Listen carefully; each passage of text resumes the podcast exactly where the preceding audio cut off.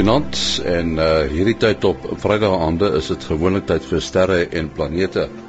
Ons uh span is weer gereed om uh een of ander interessante aspek van die ruimte te bespreek. Dit is professor Mati Hofman van die Universiteit van die Vrystaat en die Boden Sterrewag. Willie Koorts van die Suid-Afrikaanse Astronomiese Observatorium en om horison te praat natuurlik Kobus Olkers van die Suid-Afrikaanse Nasionale Ruimteagentskap op Hermanus. Maar voor ons die mense aan die woord stel, eers een of twee nuusberigte. NASA se tweeling bestralingsgordel storm navorsingssatelliete wat in Augustus gelanseer is, het radiogolwe wat deur die aarde se magnetosfeer opgewek word, opgevang. Die stroom fluitte en kwetters wat aan een gespeel word, is tydens vyf afsonderlike geleenthede opgevang. Die sogenaamde RBSP sending het twee identiese satelliete in 'n eksentriese baan geplaas wat hulle in 'n baan so laag as 603 km en so hoog as 32168 km sal neem. Die satelliete sal tydens hulle omwentelings deur meer stabiele binne en meer wisselende buitegedeeltes van die Van Allen gordels neem en sou ook die fluitte en kwetters wat opgeneem is.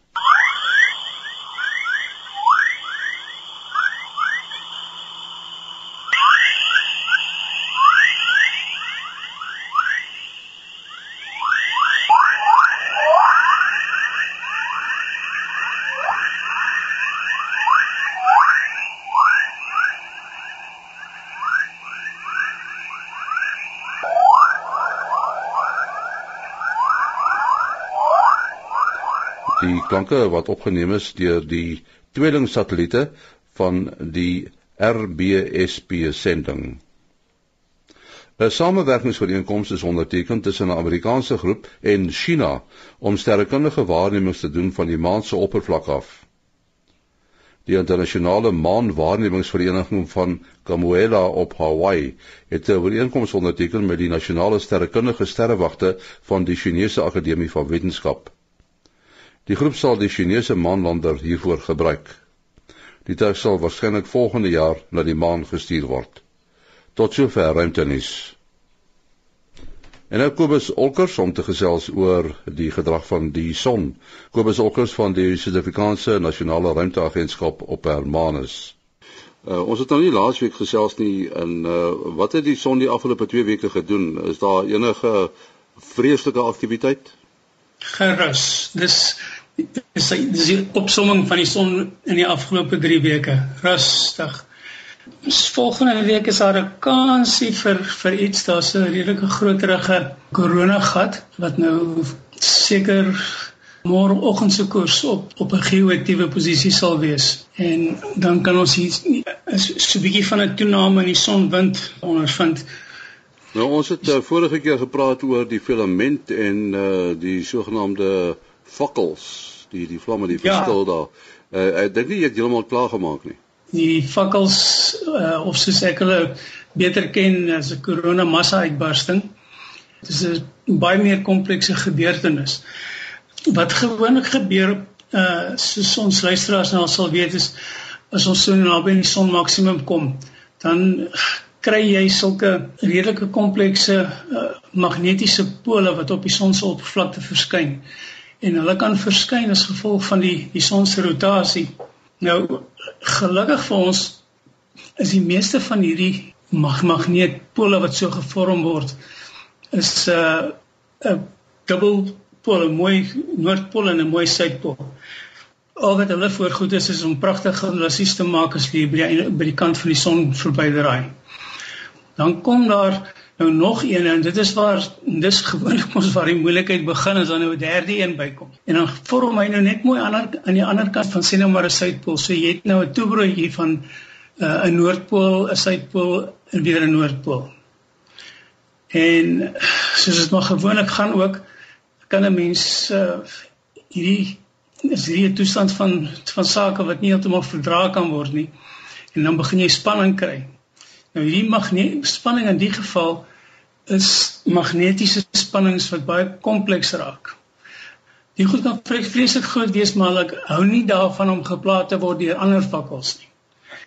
En dis nou wat in, die, in hierdie geval gebeur. Die ding raak geplaag, hy ontwikkel stres. Dan drink hy sy pilletjies en dan werk dit nog steeds nie en dan dan kry hy nog stres en dan skielik dan bars die spul uit mekaar uit. Ehm um, nou die oomblik as daai ding bars want hy het nou 'n massiewe klomp uh magnetisme opgebou tussen hierdie noord-suid en weer noord. Ehm um, dan skiet hy 'n ekstraal uit. Nou die ekstrale is hierdie uh A B C M en ekstrale. Op die oomblik byvoorbeeld as jy kom ek sê die son is so stil is hy's heeltyd in hierdie B's rond. As jy van B na C toe gaan is dit 10 keer groter as van C na M toe gaan is dit nog 10 keer groter. En as jy van M na X toe gaan dan kruip jy onder die tafel weg. En die hele kant van die aarde wat op daardie stadium die son kan sien kry kry die effek van hierdie van hierdie uh ekstra blits. Ehm um, hy kan hy voeder gewoonlik die ionosfeer op en hy maak oulike goed soos uh jy kan byvoorbeeld verdwaal raak met jou GPS. Nee, Kobus sal 'n uh, volgende keer verder gesels oor hierdie interessante verskynsels op die son. Ja, ons uh, praat soos gewoonlik weer met uh, professor Mati Hofman van die Universiteit van die Vrystaat en die Boyden Sterrewag en natuurlik met Willie Koorts van die Suid-Afrikaanse Astronomiese Observatorium. Nou Mati, on, ons het uh, verlede week mos daar by die Boyden Sterrewag gekuier en uh, toe het um, ons gepraat oor uh, oor Mars en en en en die klippe wat van Mars af kom wat mense nou hier kry veral in die poolstreke. En uh, iemand wys my toe daarop dat uh, ek het nie die belangrikste vraag gevra nie en dit is hoe beland daai klippe hier? Uh, vlieg hulle weg van Mars af of was daar 'n impak of hoe beland hulle hier? Uh ja, dit is ongelukkig nie via ruimtetuie wat vanaf Mars terugkeer aarde toe nie. Uh NASA het nou nog nie tot op daai vlak gevorder dat hulle goed van van die maan af voorwerpe klippe teruggebring maar nie van van Mars af nie. Miskien gebeur dit nog eendag, maar die die die enigste verklaring wat ek kan kan dink en ek dink dit word redelik algemeen so aanvaar is dat Mars het ook nou maar soos die aarde en die maan deurgeloop onder uh, uh, onder impakte en as jy 'n groot genoeg impak het, ehm um, wel sê nou maar iets vergelykbaar wat met die met die Vredefort koepel gebeur het of nog groter. Deur so impak word daar baie materiaal kleiner en groter uitgeskiet en mense kan dit sien op die maan as jy gaan kyk na die omgewings rondom die uh, meteoriet impakte. Nou as jou impak groot genoeg is, dan word daar soveel energie uh oorgedra dat van die brokstukke wat nou uitgeskiet word, uh kan die ontsnapsnelheid van daardie bepaalde voorwerp in die geval Mars bereik. Dit beteken hulle gaan loskom vanaf uh, Mars se gravitasiekrag en dan in 'n baan uh besmoontlik rondom die son uh beland. Hulle kan natuurlik in enige rigting geskiet word, maar die mees waarskynlike is nou maar dat hulle dan nou in 'n baan om die son beland. Uh en die bane kan baie ellipties wees en dit kan van so 'n vorm wees dat dit met die aarde se baan kruis soos baie ander asteroïdes uh, uh, dit doen. Dis maar waar al die meteoriete vandaan kom is voorwerpe wat dan nou in hulle bane uh, met die aarde se baan kruis en dan vind dan die botsing met die aarde se atmosfeer plaas. Uh, dit is hoe ver ek dit verstaan. Mens moet seker ook onthou dat uh, dat die atmosfeer van Mars baie dun is nê? Nee? uh, dit sou ehm uh, maak dat as wel as jy nou 'n voorwerp nou uitskiet dan gaan hy energie verlos ver, verlies hê as gevolg van die atmosfeer. Ehm um, en dit sal dan minder wees omdat sy atmosfeer 100 maal dunner as die aarde is. Uh dit sal 'n faktor speel. Die grootste faktor gaan egter wees die die beginsnelheid waarmee hy uitgeskiet word. Dit sal dan uh groter as die begin uh, die ontsnapsnelheid moet wees. Uh, ons is nog steeds met die met die rooi planeet besig. Uh, as uh, mens nou die berigte lees, dan kom jy nou agter dat uh, Mars is nogal 'n koue plek. Ek sien die warmste wat hy word is min of meer 0 grade Fahrenheit en uh, 0 grade Celsius en dat hy nou uh, eintlik baie koud word uh, andersins as die son nie op hom skyn nie. Hoekom is die temperatuurwisseling so groot? Die die mees logiese een is natuurlik nou omdat Mars verder as ons uh, van die son af is, so hy kry natuurlik minder straling van die son. Ehm um, ja, Mars nou was nog julle gepraat van die gravitasie en goed, dis ja, Mars is omtrent die helfte so groot soos die aarde. Uh dit sal nou nie jy's op die temperature vreeslik inwerk nie en ehm um, en dan natuurlik die groot ding is die die atmosfeer van Mars is omtrent 'n tiende uh of nie sorry 1% soos 'n honderdste van wat dit op die aarde is. So Mars het 'n ongelooflike dun atmosfeer. Um uh, as ek hier so op die Wikipedia bladsy van van Mars temperature gaan dan dan sien ek sy algemene temperatuur is so minus 55 grade Celsius en uh en op 'n lekker sonnige dag dan raak dit so 0 soos jy gesê het. En uh um daar is wel al temperature van plus 27 uh waargeneem en natuurlik dan so koud soos -143. So so 'n geweldige uh wat natuurlik nou hier na die pole toe gaan wees. Die pole soos op die aarde ook het die het Mars natuurlik ook poolkappe wat mens kan sien deur 'n teleskoop. Jy sien daar is uh daar is ys uh en dit is 'n kombinasie van waterys, maar die meeste van die ys wat jy wel daar sien is eintlik 'n uh, droë ys CO2 uh wat uh, hier op aarde by -60 grade uh, uh hulle kookpunt het en uh, um, van die mense sal onthou in die ou tyd het die Romeis karretjies en jy kan natuurlik selfs droë ys gaan koop en en dit is in so 'n blok en is geweldig koud dan sien jy hierdie hierdie baie uh, yskoue materiaal. Um so die die effense atmosfeer van Mars gaan 'n bietjie van die hitte vasvang. Uh, Mars het ook 'n baie dun cirrus tipe wolke uh wat hier op op iets soos 80 km uh bo kan die oppervlak wat uh, uh natuurlik ook soos op aarde die die die ehm um, wolke gaan so 'n bietjie van die temperatuur binne hou. So dit gaan natuurlik 'n rol speel so aan die aan die dagkant uh, uh gaan jy natuurlik die warm die warmste uh, kry en natuurlik aan die nagkant omdat jy nou baie straling het en en nie vreeslike atmosfeer om dit in te hou nie uh raak dit natuurlik baie war, baie koud aan die nagkant. Uh, mate iets wat ja. wat ook die temperatuur waarskynlik op Mars sal beïnvloed is. Die planeet is mos nie altyd ewe ver van die son af nie, is ek reg? Ja, sy baan is uh uh ja wat meer ellipties as die aarde sin. So dit gaan um, kan 'n merkwaardige verskil maak tussen sy uh sy uiterstes na die een kant na die ander kant. Uh ek sou skat so maar uh, dit gaan nie 10 20 grade verskil maak nie maar enkele grade. In die geval van die aarde maak dit omtrent geen verskil die feit dat ons baan 'n bietjie ellipties is nie.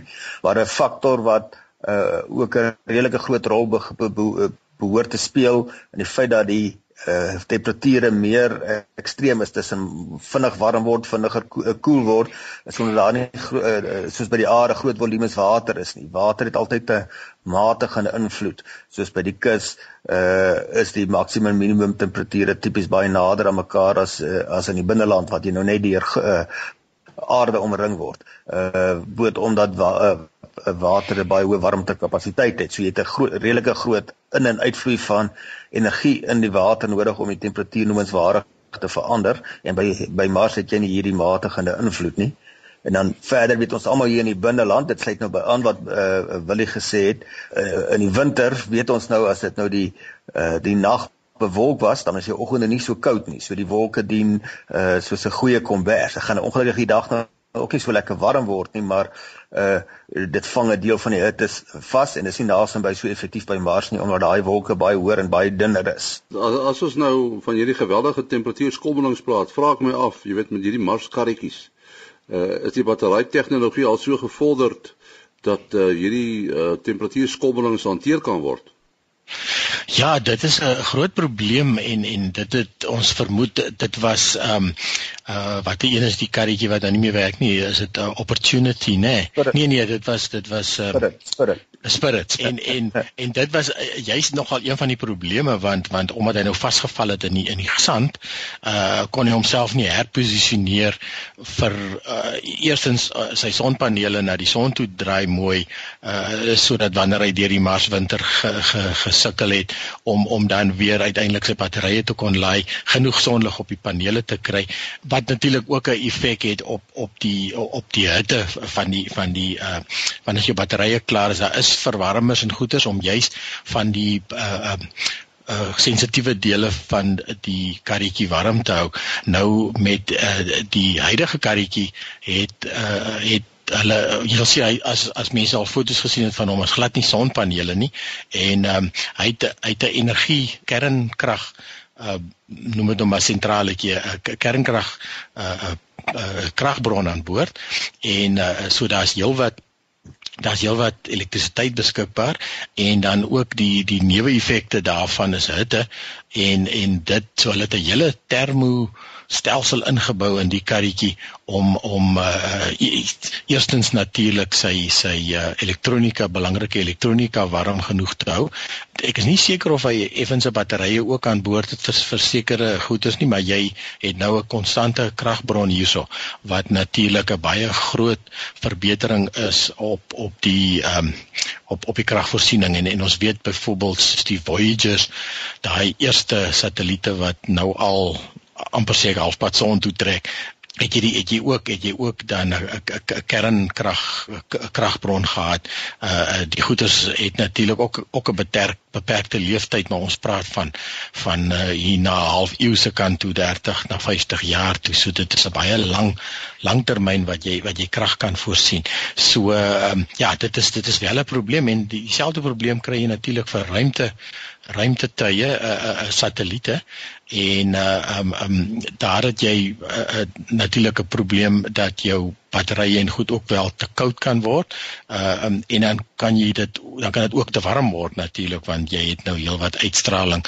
Uh daar jy het geen um beskerming soos ons atmosfeer vir ons op die aarde bied nie en uh, jy kry partymal dat byvoorbeeld met die geval was van Sunset wat se batterye dan oorlaai het en en dan die uiteindelik die die die die ruimtetuig se se lewe se einde van sy lewe beteken het. Ja, ja, en nie die uh geheim nou met die uh, kernbron wat hulle het. Dit is nou nie soos 'n kernreaktor wat jy op 'n duikboot of so sal kry nie. Dit gaan nou oor dat die radioaktiewe isotope uh uh, het energie in hulle gestoor wat by wyse van radioaktiewe verval vrygestel word en dan vir jou direk hitte gee en die kernenergie, die tipe energie wat jy kry op die vlak van die atoomkern is 'n miljoen maal meer as wat jy op die chemiese vlak van die van die chemie kry. So gewone batterye wat ons nou ken, uh, werk met chemiese reaksies. Uh, dit is dan hoekom die die kernenergiebron so lank kan hou. En as jy nou eers die hitte het, behalwe dat jy direk die hitte kan gebruik om nou die die uh uiterste temperature af te weer soos wat wil jy verduidelik het, uh is daar 'n proses uh die termoelektriese effek wat jy 'n verskil in temperatuur tussen 'n warm kant en 'n koue kant van die bepaalde soort materiale kan gebruik om direk vir jou 'n potensiaalverskil te gee en dan kan jy dit gebruik soos 'n batter, battery om vir jou elektrisiteit te gee. Ek wil nou 'n uh, heel ander onderwerp wil ek aanraak en dit gaan oor die die noem dit maar die botsing van sterrestelsels. 'n Mens lees so nou en dan van sterrestelsels wat so in mekaar inbeweeg en dan praat hulle van 'n botsing. Maar uh, dit is nie 'n botsing soos wat uh, mense normaalweg sou aan jy weet aanvaar nie want uh, hulle beweeg maar eintlik maar net so in mekaar in soos twee wolke as ek reg wil hê. Uh, ja, en die ehm um, 'n mens sien en ons en ons neem dit waar in die ruimte uh dat jy selfs galaksies het wat nooit maar besig is om te bots. As as ons nou natuurlik van die goeie praat dan praat ons nou ook weer in baie baie lang tydperke. En uh, omdat die goed so geweldig groot is ek meen ons ons melkweg uh, sterrestelsel as ek nou reg onthou is hier so by die 120 miljoen ligjare in deursnee. So ons praat van 'n geweldige stelsel. En as die twee stelsels dan bots uh uit die aard van die saak het hulle geweldige aantrekkingskrag, uh gravitasie en hulle word dan deur uh, na mekaar toe aangetrek en um in baie gevalle mis hulle net mekaar en en uh verwrong mekaar dan heeltemal maar selfs al sou hulle dan op op 'n direkte botsingspad uh, en met mekaar dat hulle dat hulle fisies bots, um, dan uh, het jy die geweldige hoeveelhede ruimte daar tussenin. Nou ons het al voorheen gepraat as jy net probeer 'n 'n skaalmodel van die sonnestelsel maak dan is dit eintlik onmoontlik uh, want as jy die as jy die die die die afstande tussen die tussen die planete reg het dan is die uh, die planete self is dan net spikkeltjies. So jy jy kan dit eintlik sien as jy dit as jy dit probeer uitsit daar op selfs op die grond nie.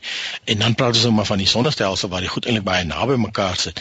Nou as ons nou dink aan ons naaste ster, uh, uh Alpha Centauri wat wat uh, uh net so oor die 4 ligjare van ons af sit. Uh um so binne in die sonnestelsel kan ons dit nog met kilometers amper meet. Uh of ons praat van die astronomiese eenheid, die die afstand tussen ons na die son toe en in Pluto is hier by die 40 maal dit. Uh, uh maar ons is nog net 'n breekdeel van 'n uh, 'n ligjaar. 'n ligjaar is met nou die die die die afstand wat lig trek in 'n jaar teen 300 000 km per sekonde, so dis 'n geweldige groot afstand. Uh en dan is ons naaste ster 4 ligjare van ons af. So uh, as 'n mens dit net in 'n skaalmodel probeer daarstel dan dan kan jy sien daar is net geweldige hoeveelhede ruimte tussen tussen massas en en uh um sodat as sulke stelsels dan sou bots uh dan is daar eintlik min werklike botsings en en uh die die stelsels kan dan half dwars deur mekaar beweeg uh en jy het nog 'n klomp momentum en en dan aan die ander kant kry jy dan jou galaksies wat wat weer soort van nog steeds daar is maar jy gaan natuurlik verwronging kry en en dit kan ons in die ruimte waarneem. Uh daar's 'n baie bekende stelsel wat wat hulle praat van die muise. En dit lyk regtig soos soos twee muise en wat baie prominent is is hulle sterte. En en dis natuurlik wat aanleiding gegee het van na na die naam van die van die twee muise want jy sien hierdie twee blobs en dan sien jy met hierdie lang sterte wat gevorm het. En dit is natuurlik materiaal en as ons sê materiaal dan dan bedoel ons heeltemal sterre en hulle kan self planete aan by, by hulle gehad het saam met hulle wat dan uh, uh, so heeltemal verwrong is sodat die algemene vorm van die galaksie heeltemal kan kan verander. Ek wil nou net die die appelkar omgooi mense is nou geneig om aan so 'n stelsel wat hoofsaaklik uit leer ruimte bestaan die botsings tussen hulle as iets heel anders te beskou as wat ons nou sê nou maar twee biljart balletjies sou beskou wat teen mekaar bots. Dit mense dink in terme van wat die een botsing maak uh, goed met mekaar kontak en in die ander geval uh, affekteer hulle mekaar maar so op 'n afstand. Maar as mens nou fyn genoeg dink is daar nie 'n wesentlike verskil nie want die materie hier om ons beskou ook maar bestaan ook eintlik maar hoofsaaklik uit uit leer ruimte uit. Weet as mens nou maar net die atome dink, alles is atome, maar die atoom uh feitelik al sy massa sit gekonsentreer in 'n baie klein volume in die atoomkern en buite hom hom is die elektrone wat uh uh hoofsaaklike amper leer ruimte uh beskik. So op die ou end gaan 'n botsing oor die die die kragte wat die goed ondervind en mense sou kon onderskei tussen kom sê nou maar harde botsings en sagte botsings. Met 'n harde botsing gaan dit daaroor dat relatief groot kragte kom in werking oor 'n baie kort tydperk. En in 'n sagte botsing sal dit nou baie meer gelykmatige kragte oor 'n langer tydperk wees. Maar die, as jy nou gaan kyk na die totale geskiedenis uh van sterrestelsels, hier sou dit nou alles gaan animeer oor die hele geskiedenis van die heelal dan sou jy dit nogal as 'n botsing kon sien want dit daai tydperk waar hulle deurmekaar beweeg dis relatief kort alles sit nou eintlik 'n miljoen jaar maar dit is relatief kort in terme van die hulle totale geskiedenis. Ehm uh, en uh, om hierdie goed geanimeer te sien uh, met behulp van uh, superrekenaars is nogal baie skouspelagtig. Dit is soos 'n dans, 'n stadige dans wat hulle so deurmekaar beweeg en dan hierdie sterte uitgooi. Baie uh, mense is nogal geneig om te sê dat alles beweeg so sekuur in die ruimte, alles in sy eie baan en alles is so voorspelbaar. En dis natuurlik uh, nie heeltemal reg nie. Dan op watter tydskaal jy van praat want punt 1 ons het die rooi verskywing waar goed van mekaar af weg beweeg en uh mense weet nie waar dinge gaan wees oor etlike miljoene jare nie. So as 'n mens die tydskaal verkort, is die ruimte eintlik maar 'n redelike woelige gevaarlike plek. Ja, en nie definitief as 'n mens nou net ons ons klein uh, verwysingsraamwerkie aan aan kort tye en en goed wat ons nou in in ons lewenstyd net kan sien en beleef. Soos jy sê, lyk alles basies staties, die planete beweeg rustig om die son en hulle alle bane is uitgesorteer en wat ook al, maar dit is definitief so dat dat die uh, uh, oor die eons het het die het, het bane regtig verander. Die die maan uh, is nie op dieselfde afstand wat hy oorspronklik gewees het nie. Selfs van die planete het het uitbeweeg. Nou van ons begin eksoplanete ontdek het uh, is ons appelkar eintlik lekker omgegooi want want ons as ons kyk na ons eie sonnestelsel het ons uh rotsagtige klein planete in die middel en baie na aan die son relatief en dan het ons hierdie groot reuse gasballe verder weg van die van die son af en, en ons het gedink dit is nou ons kan mooi verduidelik hoekom dit so is ensovoorts en en nou kyk ons na eksoplanete eh, wat planete om ander sterre is en ons en ons sien maar daar is geweldige groot Jupiter verskeie Jupiter grootes planete baie na aan hierdie sterre. Maar daar is ook wel al tot 'n besef gekom dat uh, selfs van die planete wat ons vandag sien, die groot gasballe wat daar buite lê, uh um, het het het gemigreer en, en hulle het, hulle het wel beweeg. 'n Ander voorbeeld is natuurlik ons eie maan wat net sy een gesig na die aarde toe wys en uh, dit was natuurlik ook nie altyd so nie en en die swaartekrag remming uh, wat dit veroorsaak het het het oor tyd plaasgevind en selfs vandag as jy uh, fotos van die maan kan neem elke dag uh, dan kan jy sien die maan is eintlik met so 'n hele wobble uh, besig so die maan is nog nie regtig heeltemal gestabiliseer dat hy ons kan bietjie meer as die helfte dink ek so 57% uh van die maan se oppervlak kan ons sien uh, nie net 50% nie uh as gevolg van hierdie hierdie uh libration wat dit in Engels noem wat die maan so besig is om te wobble.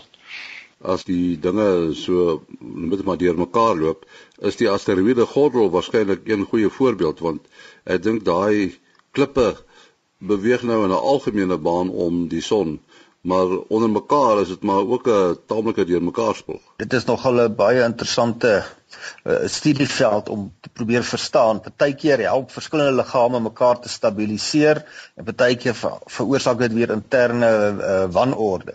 'n Voorbeeld waar daar nou stabiliteit is weens die interaksie tussen meer as een voorwerp is die die ringe van Saturnus waar daar al die klein deeltjies wat in die ringe beweeg juis gehelp word om gestabiliseer te word in daai bane deur die klein maantjies wat ook deel is van die van die stelsel. Die asteroïde gordel is weer op die groter skaal gestabiliseer danksy die die werking aan die, van die son aan die een kant en van Jupiter aan die ander kant.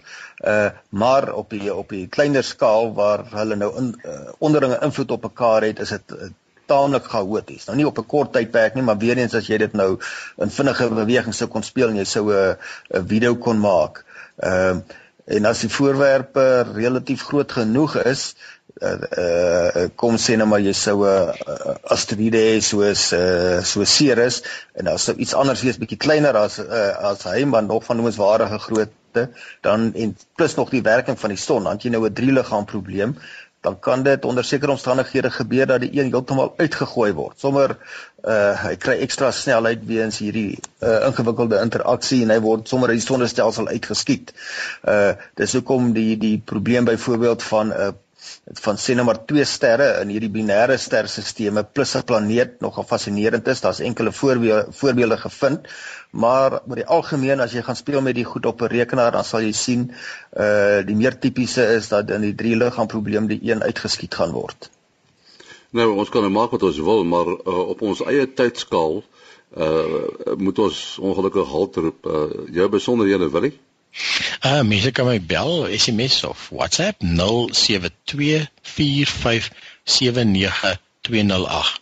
0724579208. Mati 0836257154. 0836257154. My e-posadres maas.henny@gmail.com. maas.henny@gmail.com. Tot die volgende keer. Hoi.